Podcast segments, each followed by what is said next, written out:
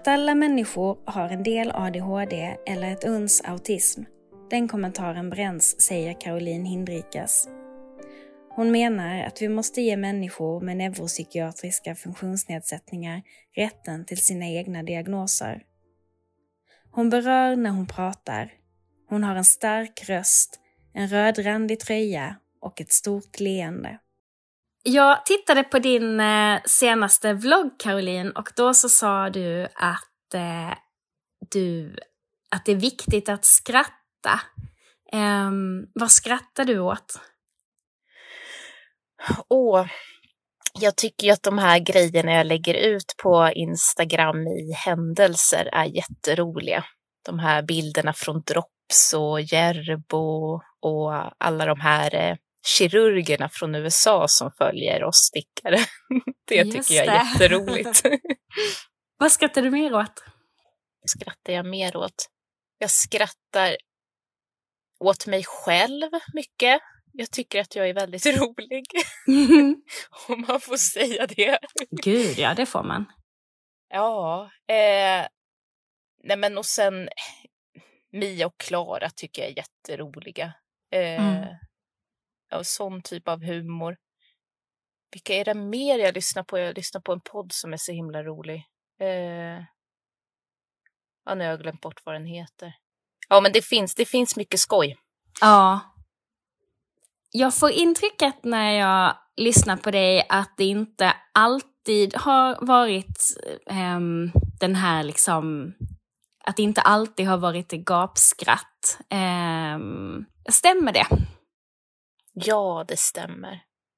Jag har eh, försökt att passa in så hårt och få saker och ting och mig själv att vara perfekt Eh, och i en perfekt tillvaro så upplever jag i alla fall att skrattet inte riktigt får plats. Mm.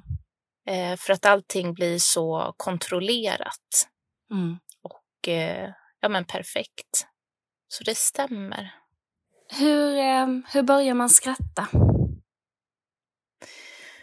Åh, vilken bra fråga. Jag tänker att eh, man behöver tillåta sig själv att bara vara sig själv. Att eh, mm, släppa på kontrollen, släppa på den där perfektionen. Försöka se vad som egentligen är värdefullt. Eh, att det inte är ytan som spelar någon roll, utan att det är det, ja men allt det där under, allt det där som är livet som faktiskt spelar roll.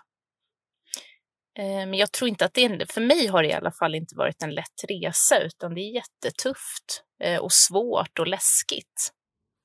Du fick din dubbeldiagnos, berättade du, när du var 28.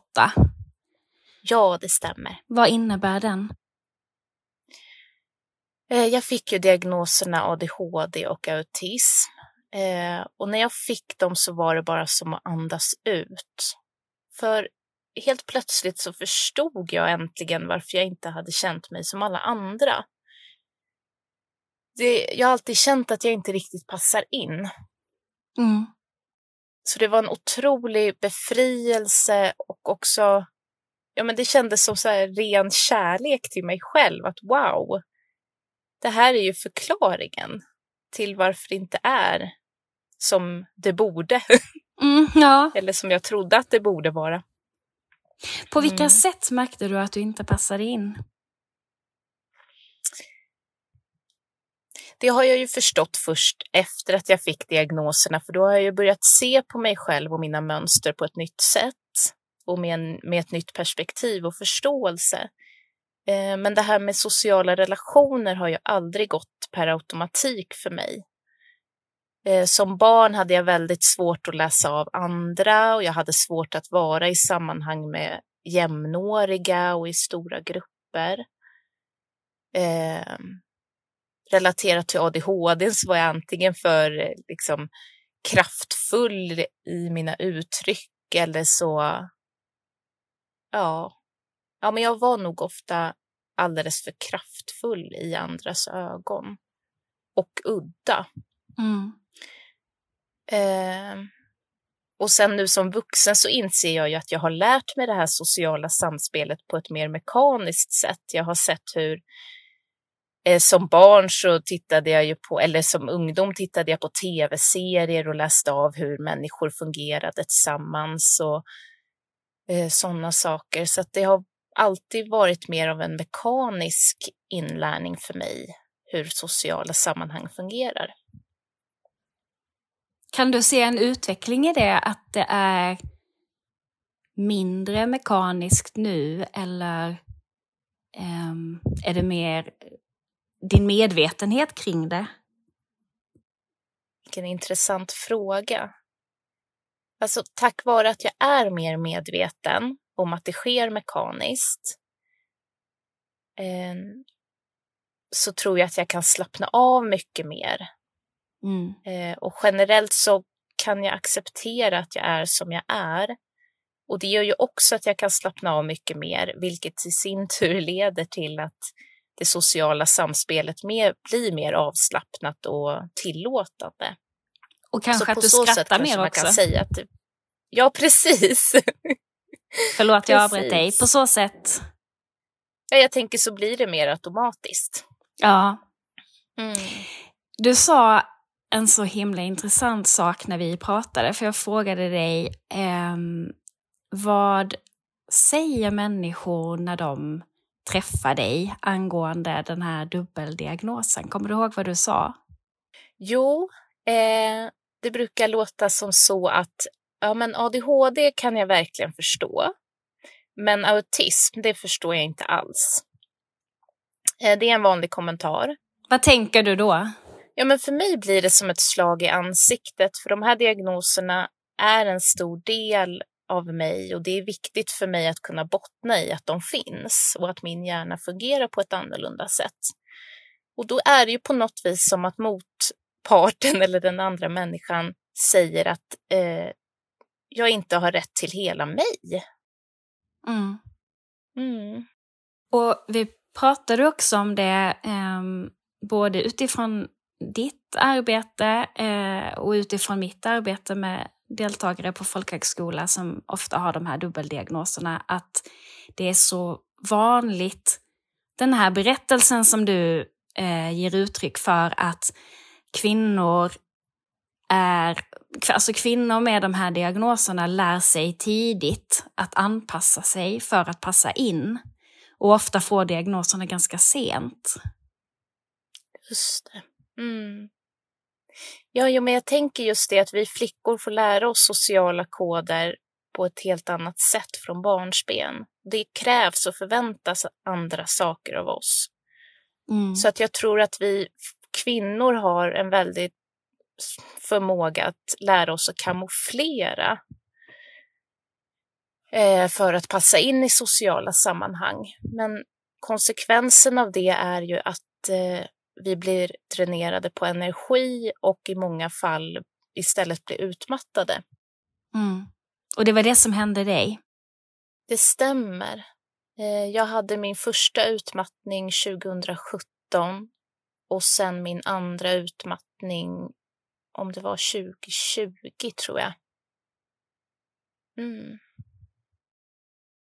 På vilket sätt har yogautbildningen, alltså du utbildade dig till att bli yogainstruktör. På vilket sätt har den eh, hjälpt dig i din utmattning? Åh. Jag tänker att den har inte bara hjälpt mig utifrån min utmattning utan den har också hjälpt, ja, men den har hjälpt mig som hel människa. Mm. Eh, hur hela livsperspektivet. Jag har blivit mycket snällare och mer tillåtande med mig själv och med andra. Eh, jag har landat på ett helt nytt sätt. Eh, jag kan ligga och vila idag, vilket jag aldrig har kunnat göra förut för att jag varit så rastlös. Mm. Eh, bara det här att faktiskt klara av då och då att sitta i, ja men säg tre minuter och bara fokusera på en meditation. Det är jättestort för mig som har eh, så mycket hyperaktivitet i kroppen och hjärnan. Ja. Du berättade att eh, du började sticka för att sitta still. Ja. det stämmer. Vad stickade du då? Jag började faktiskt virka Mm. eh, 2008, för jag tänkte då var jag gravid med mitt första barn och jag tänkte hur ska det gå? Jag kan ju inte sitta still och bara amma. Jag måste Mm. göra någonting under tiden. Eh, så då började jag sticka, eller virka. Eh, och sen så kom stickningen väldigt snabbt där inpå och då blev jag fast i stickningen istället. Är du process eller projekt, färdigt projekt eh, handarbetare? Det är ju alltid roligt att planera projekt och spana runt på Ravelry och Instagram och få massa inspiration. Eh, och sen är det ju alltid väldigt roligt att lägga upp projektet. Men Mm. sen när jag stickat sig sådär tio varv, då börjar det där mattas av. Eh, och då blir det helt klart bara fokus på målet tills plagget är klart. Mm. Men sen är det klart, det spelar ju jättestor roll vad det är för typ av garn och mönster och om det är ett fantastiskt garn så njuter jag ju genom hela processen. Så att det Mm. handlar ju mycket om det också. Jag sa, frågade dig så här, ja, ehm, det är inte så att du ska skapa egna mönster utifrån det här med, med struktur och regler och liksom förhållningssätt som, som kan vara typiska eh, kännetecken för autism. Eh, men då sa du att ADHD ger dig någonting annat. Ja, är du lite inne på det här med föreställningsförmågan? Ja. Mm. Jag har jättesvårt för att föreställa mig hur ett projekt ska sluta. Mm. Och det påverkar mig mycket i min stickning. Jag har svårt att räkna, eh, så här, eh, byta garner till exempel. Mm. Eh, och förutse, räkna ut hur mycket garn jag behöver av en annan kvalitet än det som står i mönstret. Eh, jag har jättesvårt för att få olika tekniker och fastna i systemet så jag måste alltid gå in och kolla på Youtube även fast jag har gjort samma avmaskningsteknik tio gånger. Mm. Så att det är som att det aldrig liksom fastnar och jag har väldigt svårt att föreställa mig slutresultatet. Och det, det försvårar stickningen lite för mig faktiskt. Mm. Det blir som att uppfinna hjulet gång på gång på gång. På vilket sätt hjälper diagnoserna dig? Mm, tänker du i stickningen eller överhuvudtaget? Ja, stickningen eller livet eller ja. Ja. Och jag tänker med stickningen, där tänker jag att den här stora kreativiteten är ju en fantastisk tillgång. Mm. Eh, stickning, ja, hur hjälper mina diagnoser mig med stickningen? Ja, men kreativiteten. Jag skulle nog säga att det är det stora. Sen är jag ju väldigt bra på struktur och ordning och det är klart att det hjälper ju till när jag läser mönster och så. Mm. Däremot kan jag ju fastna i detaljer, eh, vilket kan vara jättejobbigt. Eh, så att jag övar mig mycket på att eh, försöka se till helheten och tänka att nu är jag nöjd. Mm. Annars så skulle jag inte slutföra ett enda projekt. Nej. Jag, jag tänker också så här när, när jag delar ut ehm, eh, uppgifter i skolan i litteraturanalys till exempel så finns det ju människor som har det här behovet av att eh, läsa igenom allting först och sen börja med fråga ett till fråga tio eller vad det nu är. Ehm, Mm. Och sedan, men, men om det uppstår ett problem på fråga två så kan det vara så att det finns, att en del människor får en, en låsning och vill inte gå vidare förrän fråga två är gjord. Och det kan man ju hitta olika metoder att komma runt, till exempel genom att inte numrera och sådär. Eh, men, men man skulle ju kunna önska sig själv ibland samma noggrannhet när man läser mönster. Och där måste jag faktiskt avslöja att jag, där är det ADHD som styr. Om man nu kan dela upp det så pass. Men eh, jag läser mycket sällan igenom mönster innan jag börjar sticka. Nej. Utan det är bara rakt på. Ja. Eh, och sen när det tar stopp, eh, då brukar jag ringa mamma och be om hjälp. ja. Din mamma handarbetar också? Ja, det stämmer. Ja. Det stämmer. Jag frågar Caroline hur det är att vara förälder när du har diagnoser som autism och ADHD. Hon säger att det är svårt, särskilt eftersom dessa diagnoser utmanar hennes föreställningsförmåga och inre bild av hur något kommer att bli.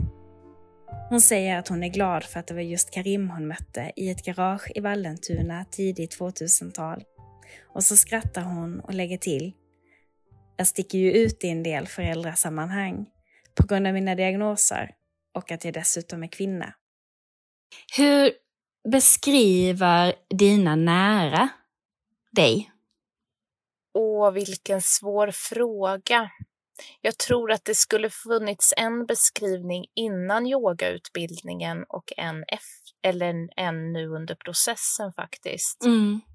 Um, min lilla familj upplever en jättestor skillnad uh, på så sätt att jag, jag men är mer avslappnad, kan sitta still, skrattar mycket mer, inte bryr mig så mycket om hur det ser ut eller hur det ska vara hemma. Så det är en jättestor skillnad. Mm. Du berättade mm, om din man som... Du berättade hur ni träffades. Vi pratade ju lite om markörer. Eh, berätta om din markör. Ja, min markör eh, är en bild av eh, SOS som ligger i Tunisien. Mm. Eh, och där träffades mina svärföräldrar på 70-talet. Min svärmor hade åkt ner eh, till Tunisien på chartersemester. Och eh, de träffades och sen så föddes min sambo och hans syskon. Mm. Och jag och Karim träffades i ett garage i Vallentuna när vi var tonåringar. Det är ju häftigt. Mycket romantiskt, ja. Då hade han precis flyttat tillbaka. Det är ju många år sedan nu. Ja, det är det. Vi har varit tillsammans i 16 år. Ja.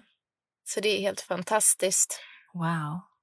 Vet du att um, Karim på arabiska betyder generös? Oh ja. Och det stämmer in så fint. Ja, det är klart att du vet. Jag lärde mig det häromdagen, det var därför jag... ja, vad roligt! Vad, på, på vilket sätt är han generös? Åh, Karim är så snäll och så omtänksam och han bryr sig så mycket om att andra människor ska må bra. Mm. Ja, så det är faktiskt det är roligt. Han lever verkligen upp till betydelsen av sitt namn. Ja. Vad betyder Caroline? Åh, vet du, jag vet inte den djupa innebörden, men jag hade en kopp när jag var yngre där det stod Caroline betyder fri kvinna. Men oh. jag vet inte om det är på riktigt eller om det bara var någon snajdig kopp. men jag tänker, alltså det passar verkligen det här samtalet. Ja, att det du, kanske det gör. Att du är en fri kvinna nu. Jag tänker också om man ska, om man ska killgissa, alltså Carolus, mm. eh, står ju för kung eller kunglighet eller så. Ah. Att det kan vara ah. någonting. Um, det är verkligen bara en gissning. Gud vad spännande. ja, visst är det. um, jag tänker också att du ska få berätta vad du jobbar med nu, för det tycker jag är jätteintressant. Ja, jag jobbar på en resursskola, en grundskola för elever som har autism och ADHD och eh, andra tilläggsdiagnoser. Mm. Som pedagogisk assistent. Mm. Vad handlar ditt jobb där om? Och för mig handlar det mycket om att motivera till skolarbete, eh, vara en stabil och trygg vuxen som eleverna kan vända sig till när de har det jobbigt jobbigt eller bara vill prata. Mm. Eh, ja, men mycket motivationsarbete och vara den där trygga, stabila vuxna som lyssnar. Mm. Vad skulle de säga att du ger dem? Och det kan jag verkligen bara gissa och hoppas. men, jag, men jag hoppas att de, att de upplever att jag skapar en trygghet och värme. Eh, och att jag jobbar som människa och inte bara som en, som en vuxen, om mm. du förstår vad jag menar. Mm. Jag tycker det är väldigt viktigt att jobba personligt med människor. Jag tror att det är så vi ja, men kommer nära varandra och eh, ja, men det blir lättare för mig att göra ett bra jobb om jag har en bra relation till min elev. Mm. Och att man, ja, men du sa det så klokt också det här att vi är alla människor och att det finns alltså just den här möjligheten att vi kan lyssna på varandra och eh, mötas i det här samtalet. Och också, tänker jag, komma ifrån den här föreställningen om vad de här diagnoserna kan innebära. Eh, mm. För det kan ju innebära så mycket olika. Och det är så sant. Det är så sant. Det är så viktigt att lära känna individen där bakom. Mm. Eh, det är klart att det finns generella delar i alla diagnoser som är samstämmiga. Men vi individer, det är ju vi som ja, men formar diagnoserna utefter oss på något mm. sätt. Mm. När skrattade du senast? Oh. Det var när jag lyssnade på den där podden som jag inte kommer ihåg namnet på. jo, jo, men det är ju Flashback Forever. Nu satt den. ah, den är ljuvlig. Ja, men den lyssnade jag på idag när jag gick en promenad. Ja, ja den är ju jätterolig. Ja. jag läser om namnet Carolins ursprung.